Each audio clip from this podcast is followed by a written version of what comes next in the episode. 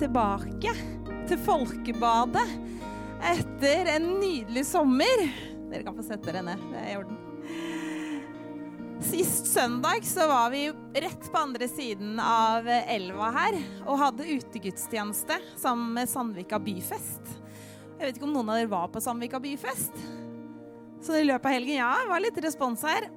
Vi var i hvert fall der, og det var god stemning. Det var godt å se at folk var tilbake, akkurat sånn som her i dag.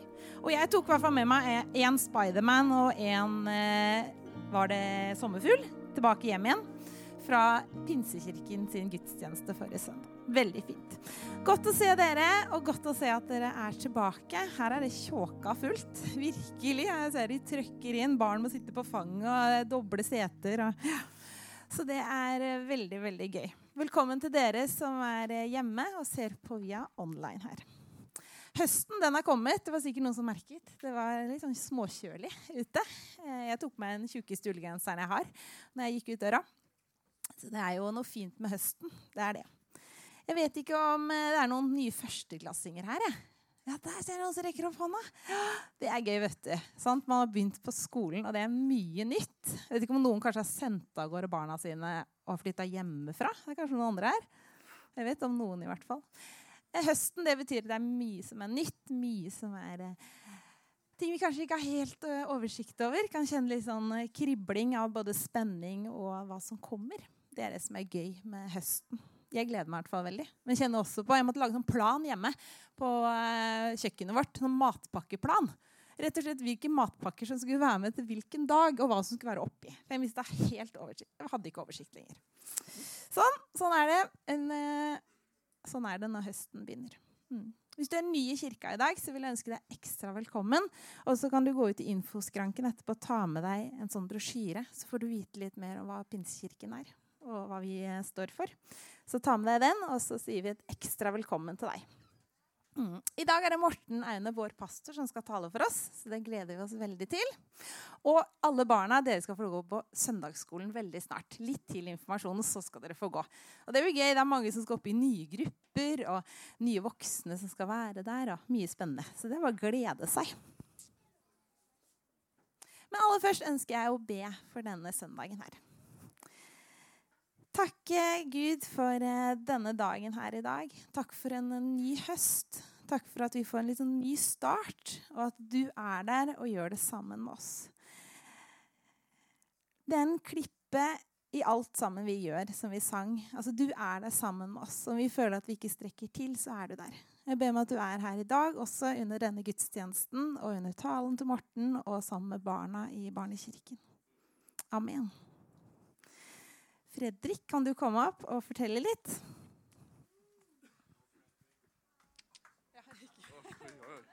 Yes, ok. Ja, jeg skal forklare, fortelle litt om Get Focused. Uh, Get Focused det er en gigantisk ungdomskonferanse med, hvor det samles mer enn 2000 ungdommer uh, hvert år. Og det er fra 4. til 6. november i Oslo Convention Center. Um, det er for deg som er mellom 13 og 19 år, tror jeg.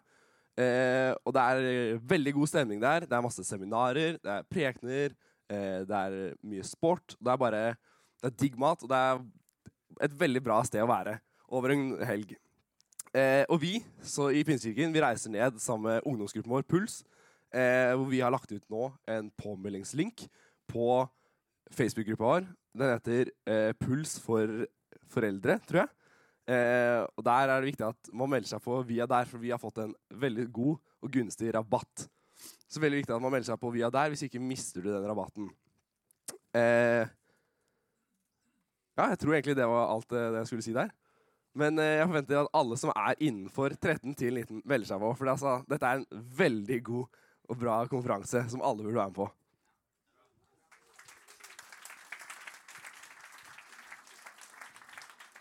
Nydelig.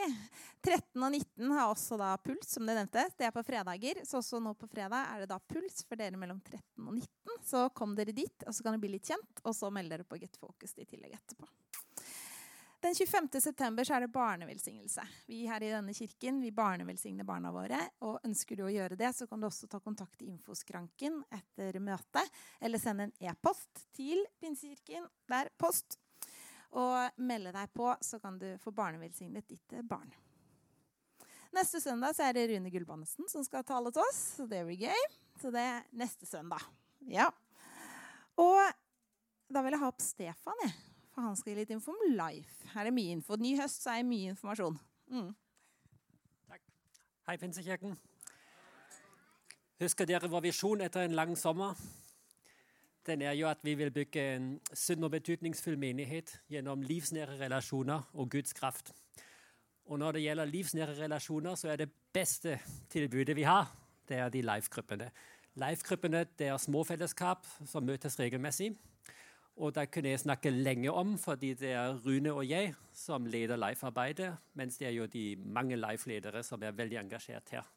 Så neste søndag hører dere masse om dette. Men før vi kommer så langt, så har vi en liten undersøkelse. Da vil vi gjerne vite hva tenker du om Leif? Hva tenker du om um, Hva er din erfaring med Leif? Har du noen gode ideer? Kanskje du leter etter en Leif-gruppe?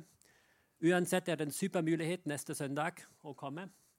Og dette er en undersøkelse for alle, så det er en QR-kode på flere plakater på vei ut. Og den skal ikke fylles ut nå, men gjør det rett etter gudstjenesten. Takk.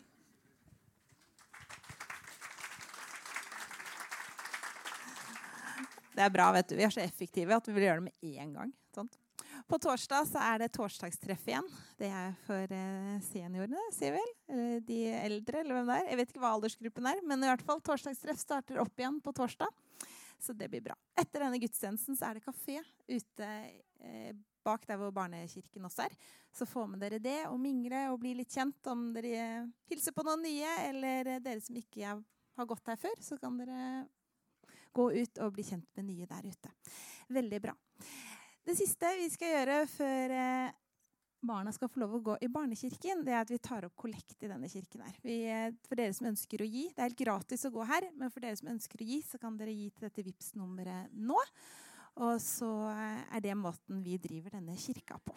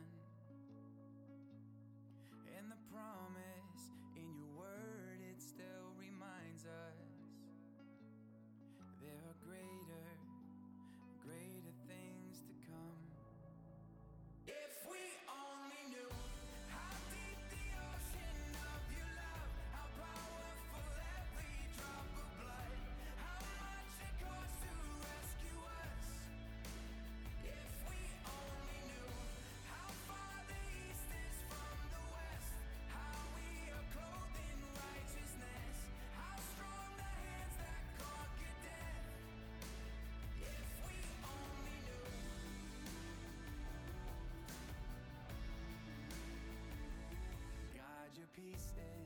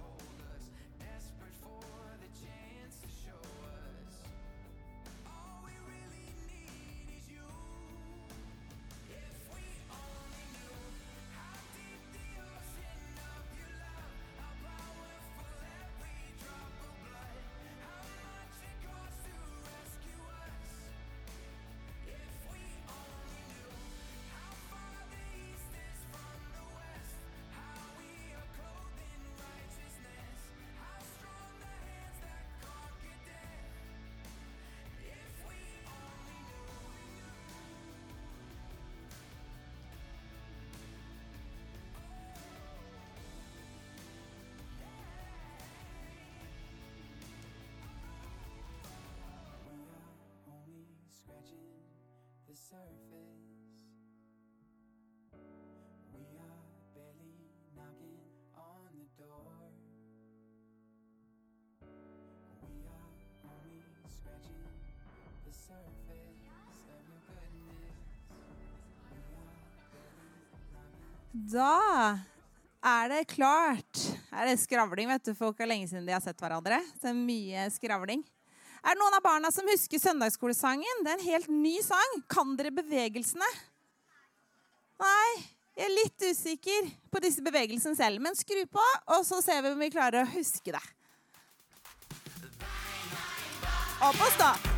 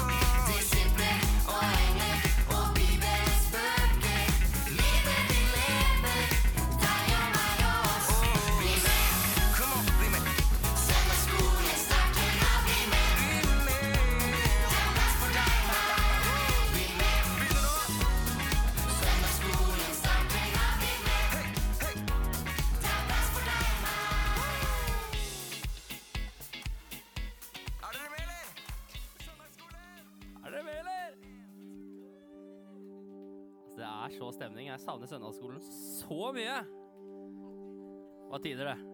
Må jeg være inne på Moxemøte, liksom? Bra. Dere, vi skal fortsette å låssynge litt sammen. Skal synge en eh, god gammel slager.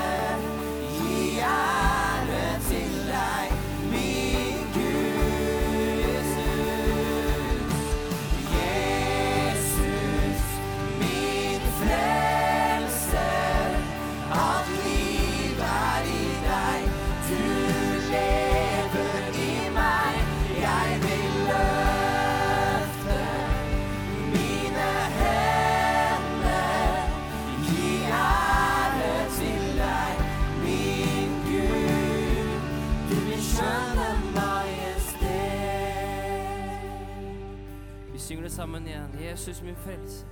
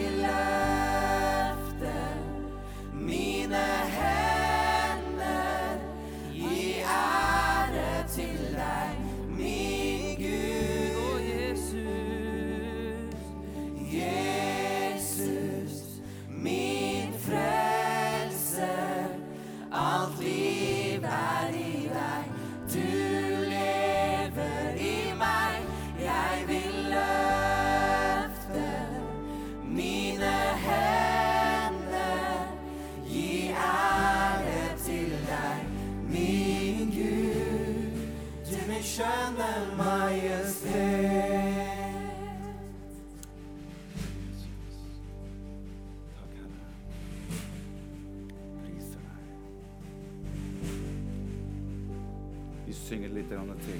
Jesus, min frelser.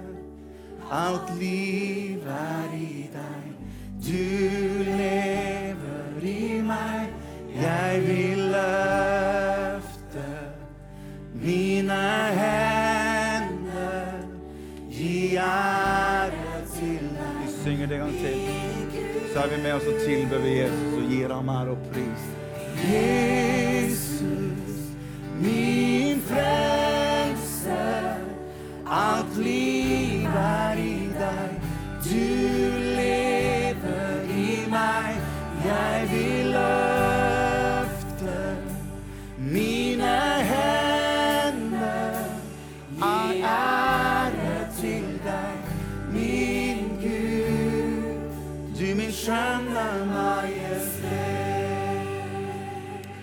til og med Paulus han skriver til en menighet som sier at nå vil jeg at alle sammen på ethvert sted skal løfte hellige hender, sier han.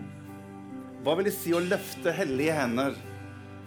Det har et tegn på overgivelse. Det er et tegn på noe at jeg gir av meg selv til Gud. Så Paulsson skriver rett og slett til en kirke og sier han, jeg ønsker at dere på ethvert sted skal løfte hellige hender når dere kommer sammen, som et tegn på at vi gir av oss, og vi tilber den levende Gud, kongenes konge og herrenes herre. Så jeg har lyst til å bare utfordre deg litt i dag. Kanskje du syns det er litt sånn ja, det er ikke helt komfortabelt eller litt sånn Kanskje vi trenger å sprenge litt sånne grenser for meg sjøl. Du, du kan bare for eksempel, ikke ha hendene i lomma er jo et første steg. Det kan jo faktisk være en greie. Men la oss synge den sangen, og så la oss bare, det viktigste er at du fra hjertet ditt er med og tilber Jesus. Og når vi kommer inn i Guds atmosfære, når du og jeg begynner å hengi oss og henvende oss til Jesus, så begynner hans atmosfære å fylle dette sted, fordi at vi gir han den ære og pris hans navn skal ha.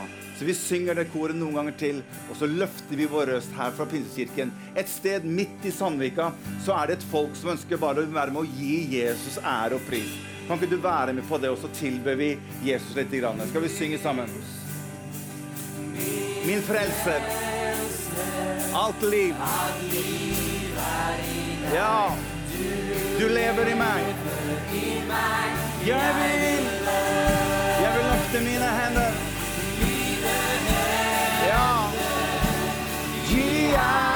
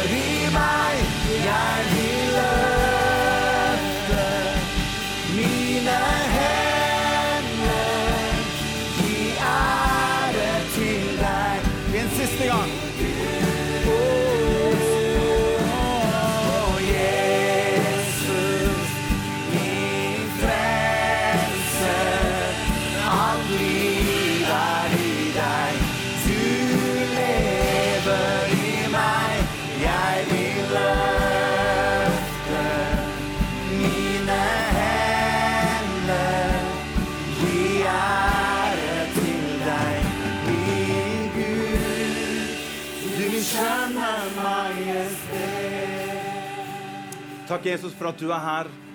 Takk for at det er deg vi kommer sammen for å tilbe. Det er deg vi kommer sammen for å gi ære. Jeg takker deg for at ditt navn er høyt opphøyet, og det er du som er hedersgjesten i Pinsekirken i Sandvika i dag. Vi takker deg for at du er her, og vi ber om at du skal fortsette å velsigne denne gudstjenesten i Jesu navn. Og alt folket sa amen. Så før du setter deg, så kan du snu deg litt. Så kan du nikke til vet ikke om du vet hvem som sitter bak deg, men det kan være godt å vite. Det kan være veldig godt å vite.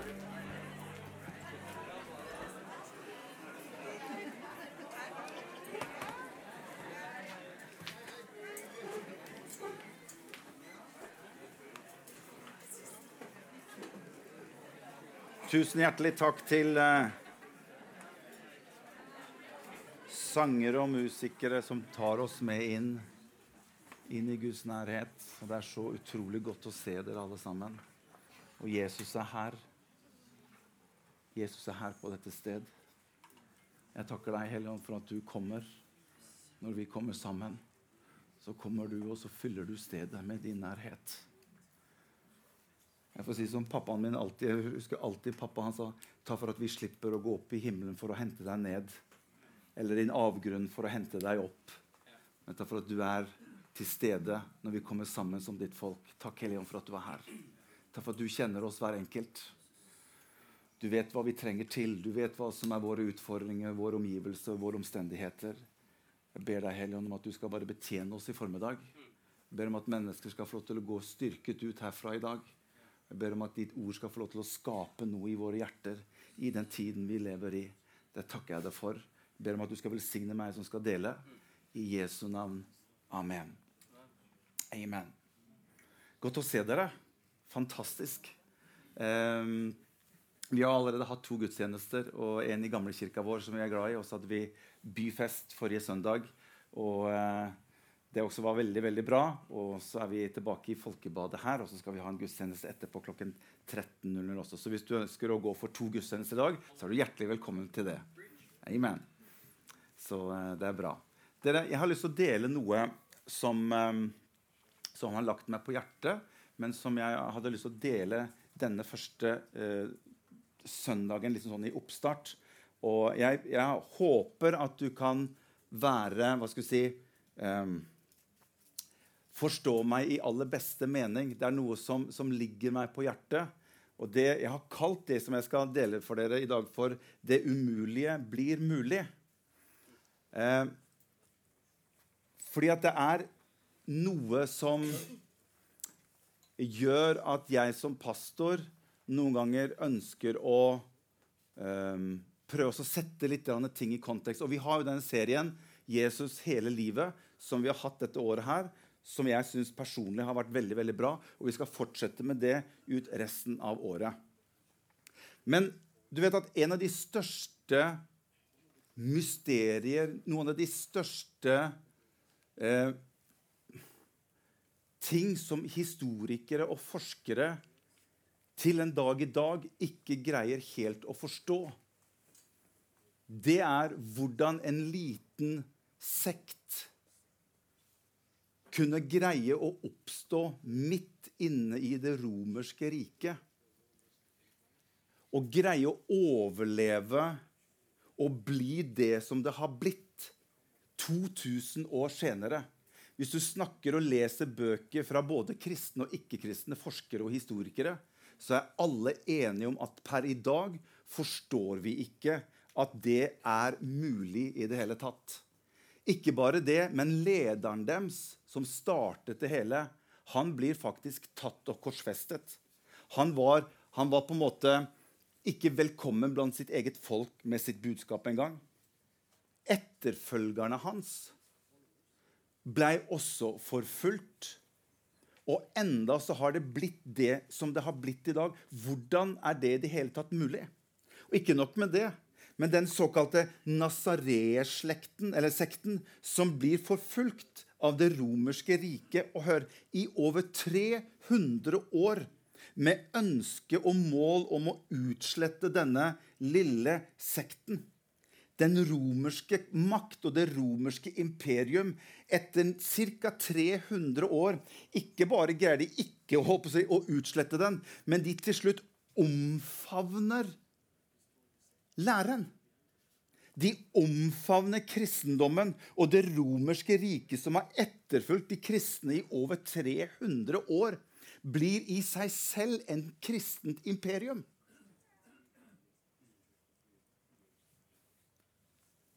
Hvordan er det mulig? Og det skjønner ikke folk den dag i dag, hvordan det i det hele tatt er mulig. Den romerske ørnen blir byttet ut med et kors. Jeg vet, er det noen her som har vært i Roma og vært i Colosseum? Så vil dere se at den hovedinngangen der hvor keiseren gikk inn i Colosseum, der ble den ørnen som var der fra før, den ble byttet ut med et kors. Hvordan er det? Hvordan er det mulig? Jeg vet ikke om, om, om dere leser eh, eh, litt sånn historisk litteratur. Kanskje noen av dere gjør det. Men det er faktisk en, en, en forfatter som heter Bart Erman. Jeg vet ikke om dere har hørt om Han Han, skrev, han skrev veldig, veldig mange bøker. Han er en veldig spesiell fyr, for at han er både nytestamentlig teolog og ateist. Hvordan det er mulig, det vet jeg ikke. Men han, han, skriver veldig, veldig mye bra. Og han har skrevet en bok som heter 'The Triumph of Christianity'. Og han skriver i boken sin så sier han at rundt år 400 i det romerske riket relaterer ca. 50% av det romersk-imperiske befolkning til kristendommen. Og på den tiden bodde det ca. 60 millioner mennesker i det romerske riket. Så det vil si altså at 30 millioner mennesker relaterer til kristendommen etter 300 år med forfølgelse og med vet du hva? Det er ikke bare noen sånn, liksom, liten motstandsbevegelse som ønsket å få de kristne vekk. Det var ikke bare noen selvutnevnte motstandere eller noen idealister som ønsket å få dette fjernet vekk. Det var, det var, det var Hva heter det på norsk? Fund, altså, det var eh, betalt av den romerske stat for å utrydde denne lille kulten, denne lille sekten, som ønsket å komme med en lære som begynte å bli vanskelig for det romerske riket å skulle akseptere. De ender ut med å bli et kristent rike, og halvparten etter 400 år relaterer til den kristne tro. Et lite amen eller ja. Det er jo historikere skjønner ikke hvordan det er mulig. Og det er noe her som jeg har lyst til å bare dele litt med dere. Og ikke bare skjedde dette. Hør nå. det her synes jeg er kult. Nå går vi liksom på vår side. Men lederen deres, som heter Ja, det er bra at det er noen som har Lederen deres, som heter Jesus, forutsier dette. Når han har med seg disiplene sine Han tar med, han tar med de langt opp i Galilea, opp i, opp i, nord, langt fra Jerusalem, opp et sted som heter Cesarea Filippi. Og Dere kjenner til denne historien, hvordan Jesus samler disiplene sine. Og så begynner han å spørre de, hva, hvordan står det til, hva, hva sier folket om meg, hvem jeg er? Og de kommer med noen sånne tilbakemeldinger. Mange av dere kjenner til historien. Og så sier Jesus, men dere, da? Hvem sier dere at jeg er? Og Det er da Peter kommer med denne fantastiske tilbakemeldingen til Jesus. og sier han, 'Du er jo Messias. Du er jo den levende Guds sønn.' Vi skjønner, Jesus, at du er Messias. Og da sier Jesus noe fantastisk. sier han, 'Peter, dette har ikke kjøtt og blod åpenbart for deg, men min far som er i himmelen.' Og sier han, 'På denne bekjennelse som du kom med nå, Peter, på denne klipp som han sier, vil jeg bygge min eklesia, som det står på gresk. Jeg vil bygge, vi, vi, har brukt ordet, vi har oversatt det ordet eklesia med kirke. Men kirke er egentlig litt dårlig oversettelse av eklesia. For eklesia betyr mye mer en sammenkomst av mennesker. Eller en bevegelse av mennesker. Så det egentlig Jesus sier til Peter, ut ifra det du har sagt nå, så vil jeg bygge mitt eklesia. Jeg vil bygge min bevegelse. Og så stopper ikke Jesus der. Han går videre og sier og dødsrikets porter skal ikke ha noe makt over den. Og Hvis du sjekker litt hva dødsrikets porter betyr, når Jesus snakker om dette, her, så er det en profeti hvor han rett og slett sier til disiplene sine at, at Philip, din død kommer ikke til å stoppe dette. Peter, din død kommer heller ikke til å stoppe dette. Philip, din død kommer heller ikke til å stoppe. Det finnes ikke noe død av mennesker i generasjoner som kommer, som kommer til å stoppe det som jeg starter her. For jeg vil bygge min bevegelse, jeg vil bygge min eklesia, og den kommer til å gå gjennom generasjoner helt til jeg kommer tilbake. Og ingenting kan stoppe det. Dette her sier han før forfølgelsen begynner av de kristne.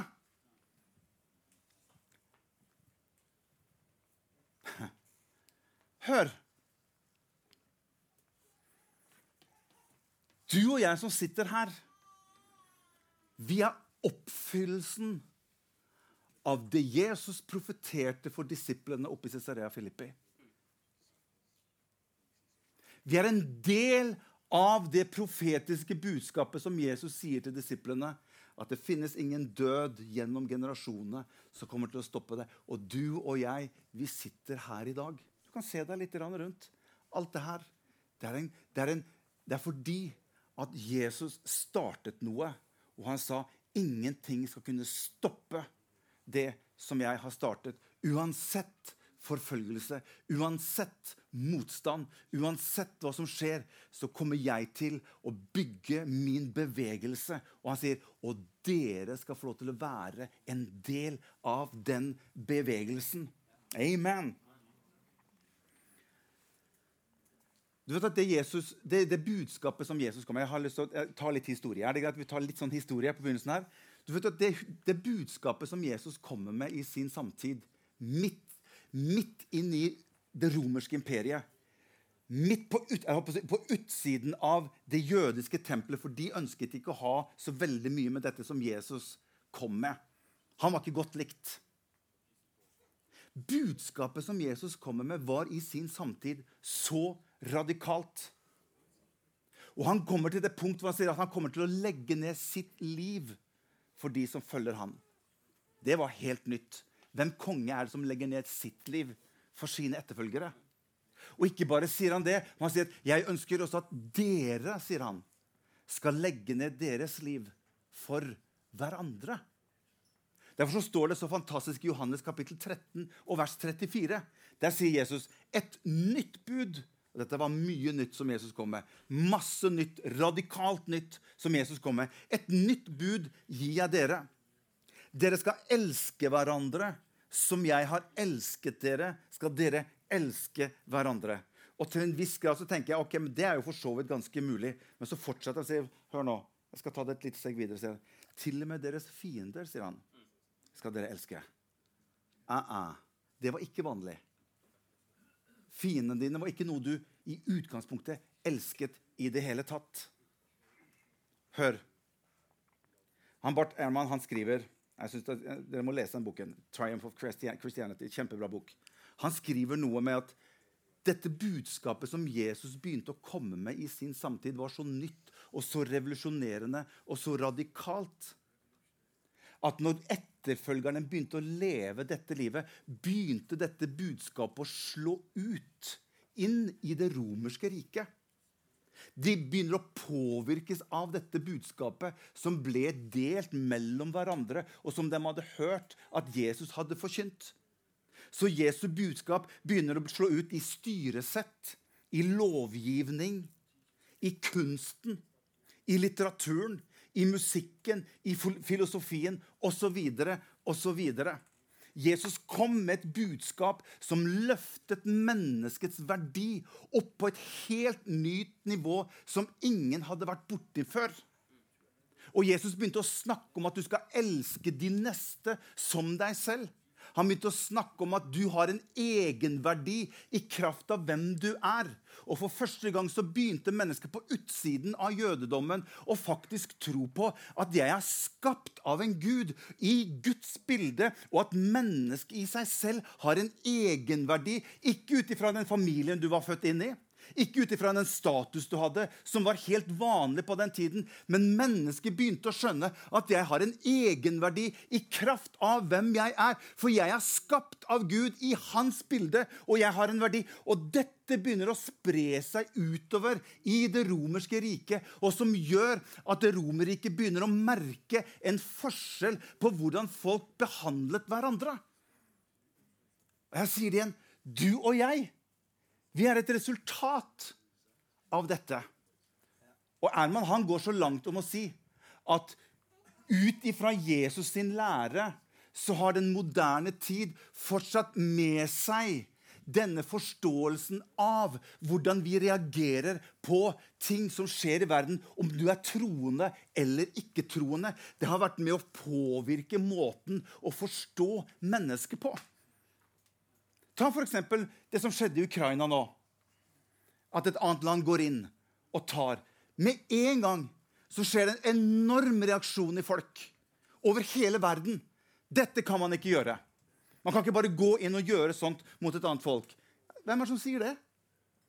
Ja, men Det sier seg selv at man kan ikke gå inn og ta og ødelegge. Hvor har du det fra? Går du langt nå tilbake i tid? Ingen som reagerte på det. Synd for de. Vi bør bygge murene våre høyere rundt vår by, så vi slipper å oppleve det. Nå er det en reaksjon som er noe av si, noe av det som har vært med å påvirke mennesker gjennom hundre, gjennom tusener av år. Hvor kommer det fra? Det kommer fra en som startet en liten sekt nede i Midtøsten. Jesus Kristus, som kom med et nytt, fantastisk budskap til mennesket om at vi skal elske våre fiender. Er det enkelt? Nei, det er ikke så veldig enkelt. Men det har begynt å påvirke hvordan vi som mennesker tenker generelt sett. Om vi tror på Gud eller ikke tror på Gud. Og du og jeg, som jeg sier jeg har sagt før, vi er fortsettelsen av det som Jesus startet. Amen. Vi har ansvaret for videreføring av denne bevegelsene. Den ligger nå i dine og mine hender. Og nå skal jeg gå mot det jeg ønsker å liksom dele med dere i, i, i, i formiddag. Og jeg kommer til å være litt sånn direkte. Jeg tenkte, Gud, kan, kan, jeg, kan jeg være såpass direkte som dette her? Uh, kanskje det blir min siste tale i Pinsekirken, men jeg får håpe at ikke, ikke det blir, blir det. Det er nåde å få, ikke sant? Er det ikke det? For jeg har skrevet her Hvor står jeg, eller hvor står du, i forhold til dette? Jeg kan velge. Enten så tar jeg bare fordelene av denne bevegelsen, bruker den for egen fordel. Og egentlig ut ifra det så gjør jeg egentlig bare den bevegelsen litt svakere. Og jeg, Noen ganger er jeg litt sånn sjokkert når jeg hører og snakker med mennesker som sier at det er ikke så nøye for meg, at hele familien min er frelst. den. Så jeg trenger ikke være så engasjert, for barna mine er frelst. Og, og, og, og jeg har det egentlig ganske greit. Og jeg har noen forkynnere som jeg hører litt på, på YouTube eller podkast, så, så, så er det egentlig ganske greit for meg. Det går ganske bra. Det er noe i dette med å forvalte denne stafettpinnen som har blitt gitt videre til oss. Hvordan du og jeg forvalter det ansvaret som du og jeg nå har i vår tid. Her hvor du og jeg er, ønsker jeg at denne bevegelsen, dette eklesia, ønsker jeg at det skal få lov til å være med og fortsette videre. En tar jeg bare til takke med å bare ta fordelen ut av det, og så, tar, så distanserer jeg meg selv litt. Og sier, Nei, men det er ikke så nøye med meg. Jeg har det egentlig ganske greit. Unnskyld at jeg kommer litt innpå dere på en sånn første søndag etter, etter sommeren. Gud være meg nådig. Og hør, jeg har skrevet her. Det er absolutt en måte å gjøre det på. Og saken er jo at vi som kirker over hele verden har egentlig tilgjengeliggjort dette selv. Veldig enkelt med online-gudstjenester og podkast. Og du kan høre 24-7 på tale, og du kan egentlig bare distansere deg selv. Og du kan få lov til å leve på avstand ifra det som har med Guds menighet å gjøre. Absolutt en mulighet. Og vi gjør jo det egentlig så bra at jeg skjønner jo egentlig at folk kanskje Det skulle jeg ikke sagt, men det er i hvert fall mye bra. Så har jeg skrevet her Jeg kan enten konsumere, eller jeg kan være med å investere. Mange sier i dag at kirken er en utdøende rase. At kirken er i ferd med å ja, Det er bare snakk om tid, så i hvert fall i den del av verden som vi bor. Sekulariseringen tar helt over, og kirken er i ferd med å dø ut, egentlig. Og så har jeg skrevet her, Vet du hvem som bestemmer om det er sant eller ikke? Om det skal være en kirke her for den neste generasjon og deres barn igjen og deres barnebarn.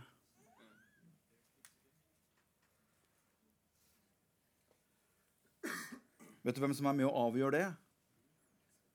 Det er du. Og du. Og du. Og jeg. Og du. Og du. Det er vi som er med og avgjør dette. Det er vi som nå er ansvarlig for dette. Hør, noen har gått foran deg og meg og båret et ansvar, tatt et ansvar, vært med og investert for at du og jeg skulle få lov til å kunne være der du og jeg er i dag.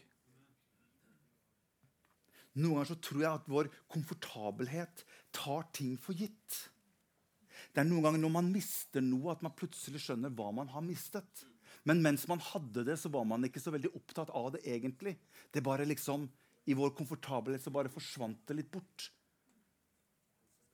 Men jeg som pastor jeg har liksom en liten oppgave å være med og gjøre oss klar over den viktigheten du og jeg har fått overlagt i våre hender. Det ansvaret du og jeg har for å være med å videreføre det som disse menneskene ble forfulgt for i 300 år. Og de ble, de ble torturert, de ble etterfulgt, de ble splittet opp. De ble gjort alt mulig med, men de hadde et ønske og en tro om å stå fast for det Gud hadde kalt dem til. Og de så fremover at vi ønsker å være med å gi videre noe til neste generasjon og til neste generasjon og til neste generasjon. Og som et resultat av mennesker som har båret noe tidligere, så sitter du og jeg i dag her, og vi kan faktisk velge om vi vil involvere oss eller ikke. Men ansvaret det springer helt tilbake til Jesus som sier til disiplene sine at 'jeg vil bygge min menighet', og dødsrikets porter skal ikke ha noe makt over den. Og jeg kaller dere til å være med og bygge den sammen med meg. Hebrebrevets forfatter jeg skal gå mot avslutning snart. Hebrebrevets forfatter han setter synes jeg, dette her i en utrolig bra kontekst. Når han skriver, og Særlig når han kommer til kapittel 11, som i min bibel kalles for vitnesbyrd om tro. Så sier Hebreus forfatter i kapittel 11 og vers 1 Der sier han troen er et pant på det vi håper. Et bevis for det vi ikke ser. Og så skriver han noe veldig spesielt. Han sier for sin tro fikk de gamle godt vitnesbyrd. Og Jeg skal lese litt. Jeg kan, kan ikke gå gjennom hele kapittelet, for det er veldig langt, men jeg oppfordrer dere til å lese gjennom kapittel 11 når dere kommer ned. Jeg kommer ned, så jeg kommer hjem. Dere er nede. Når dere kommer hjem. Jeg har bare tatt ut noen små ting som har vært avgjørende for hele denne reisen. For Han skriver at Abraham som i tro bar fram Isak som et offer. I tro talte Josef om israelittenes utgang fra Egypt. I tro gjemte foreldrene til Moses gutten i tre måneder da han var født. Går det an å gjemme noen i tro? Er ikke det vantroa? Det står det at i tro gjemte de Moses. I tro gikk de gjennom Rødehavet. Ved tro gikk de rundt Jerikos murer, og i tro så falt Jerikos murer. Og Så skal vi lese litt sammen fra vers 32. Jeg vil at du skal følge med på dette her. Og hva skal jeg ellers nevne? Tiden strekker ikke til hvis jeg skal fortelle om Gideon. Han snakket vi om eh, en- forrige søndag her. Barak, Samson og Jefta, om David, Samuel og profetene. Ved tro vant de over kongeriker, holdt retten oppe, fikk løfter oppfylt, lukket gapet på løver, slukket voldsom ild, slapp unna bitende sverd, gikk fra svakhet til styrke, ble sterke i krig og slo fiendtlige hærer på flukt. Kvinner fikk tilbake sine døde, de hadde stått opp.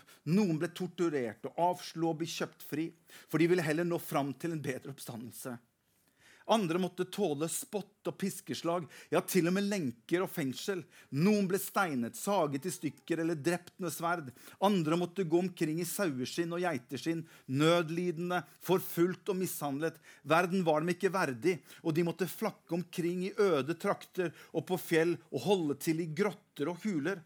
Alle disse fikk godt vitnesbyrd for sin tro.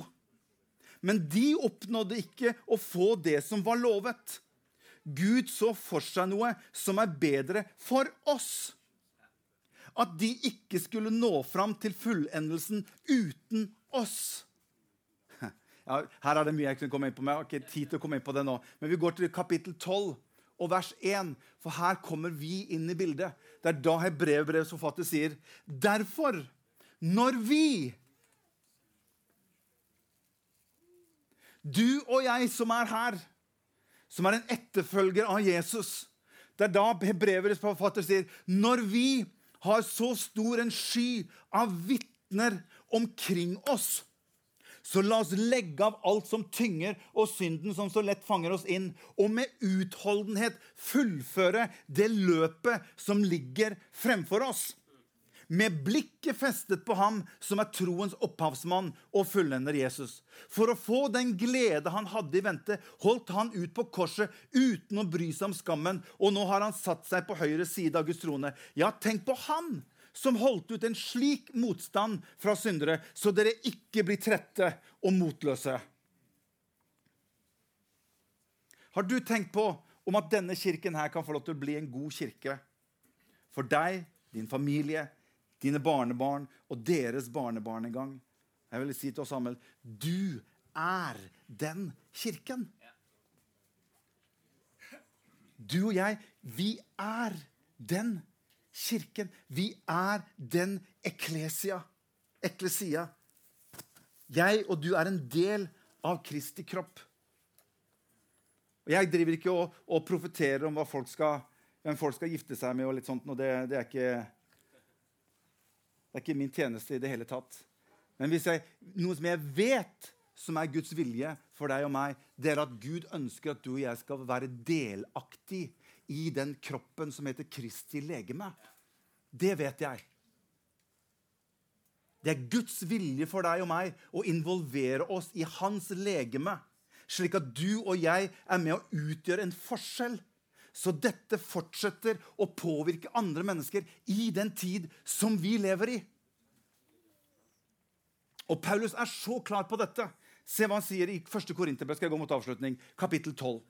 Han sier, 'Dere er Kristi kropp, og hver av dere et lem på Han'. Og så går han videre, så går han til, tilbake i, vers 14, sier han, 'For kroppen består ikke av én kroppsdel, men av mange'. Om nå foten sier det har jeg ofte tenkt på at Hvis foten sier deg noe, i det hele tatt, så bør du i utgangspunktet bare sånn By the way. Hvis du føler at foten sier noe til deg, så men, men, men, men han skriver her Om nå foten sier 'fordi jeg ikke er hånd, så hører jeg ikke med til kroppen', så er den like fullt en del av den.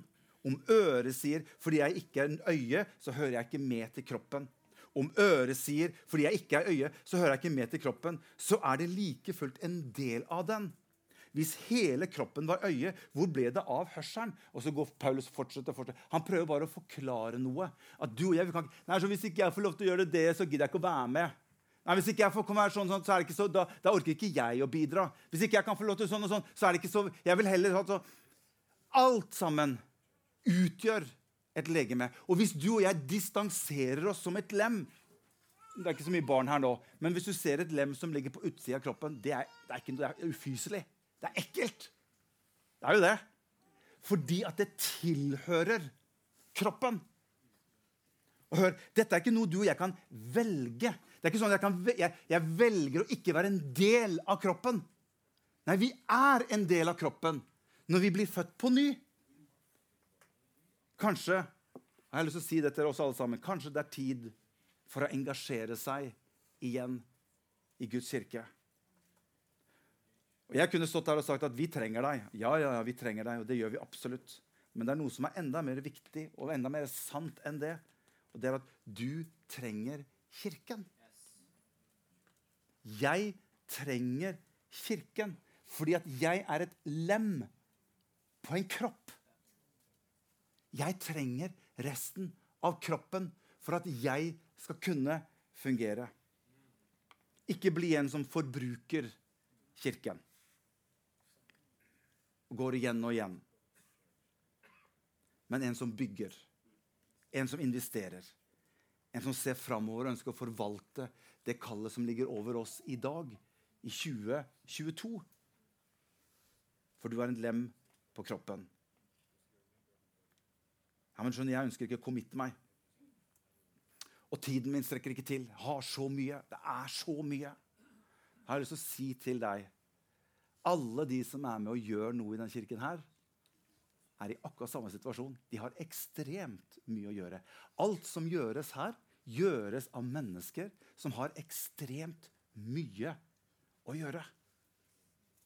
Men det handler om å sette ting i kontekst. Og hør, det viktigste du og jeg kan bygge uten våre egne familier, det er Guds kirke. Det er Jesu ekle eklesia. Kirken er det Jesus ønsker å bygge. Og han ønsker at du og jeg skal være med. Så jeg inviterer deg i dag til å være med og bidra i noe som er vårt ansvar, vårt felles ansvar. Om ikke i denne kirken her, så et, et annet sted. Men finn et sted hvor du kan få lov til å være med og bidra, være med å bygge og investere. Dette kallet som Jesus har gjort for oss. Vi er kalt til å være lys og salt i denne verden. Og Jesus sa, 'Jeg vil bygge min eklesia'. Skal vi reise oss opp alle sammen?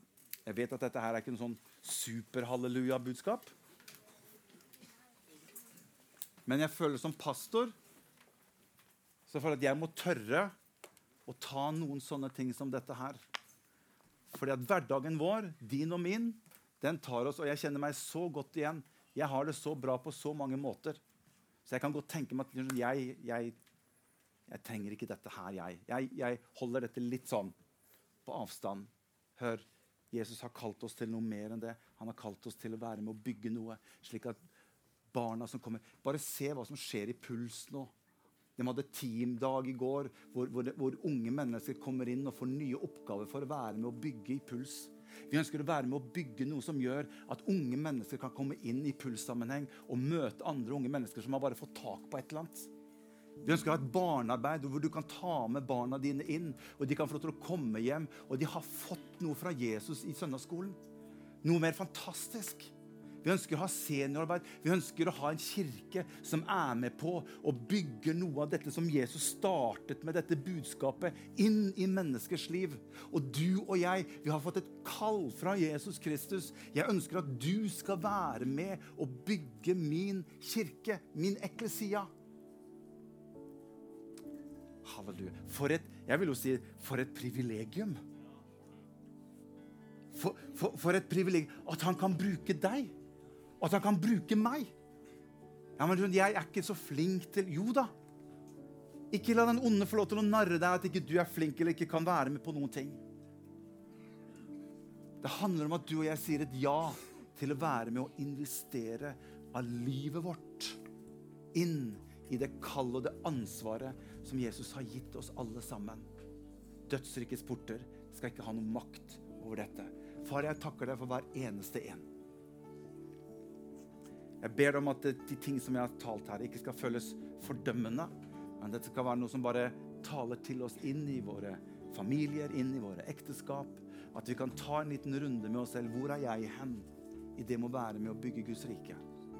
Jeg ber deg, Herre, om at du skal fortsette å velsigne.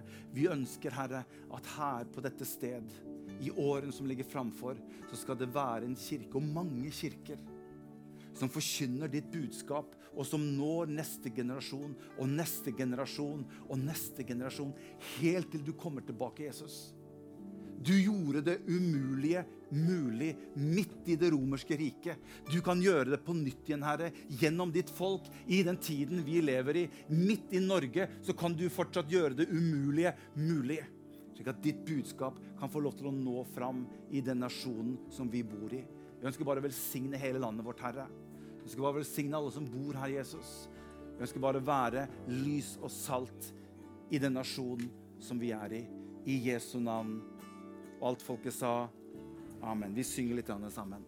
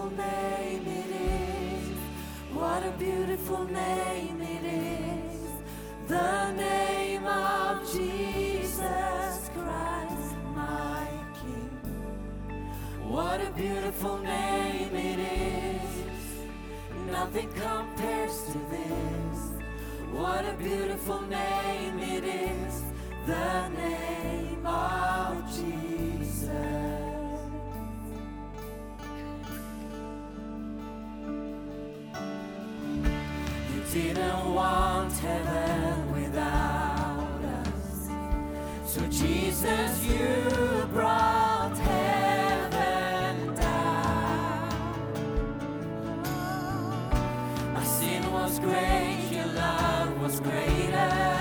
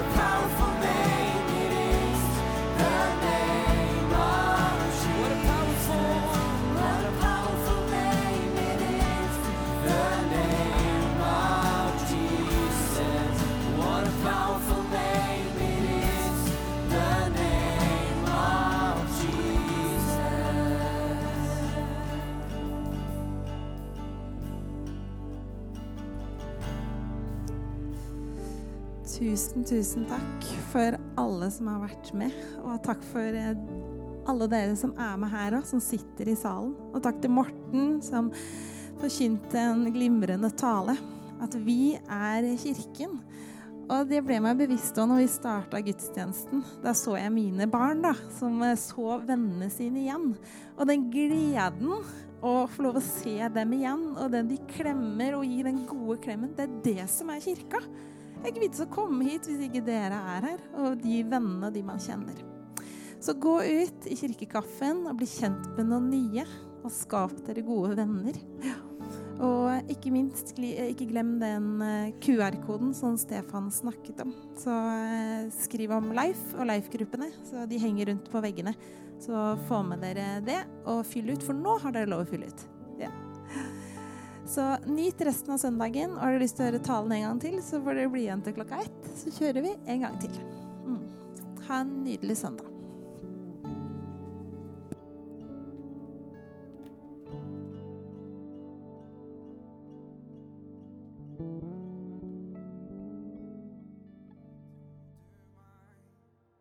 Alt og viste vei. Ved din ånd har jeg blitt ny. Ved din nåde er jeg fri.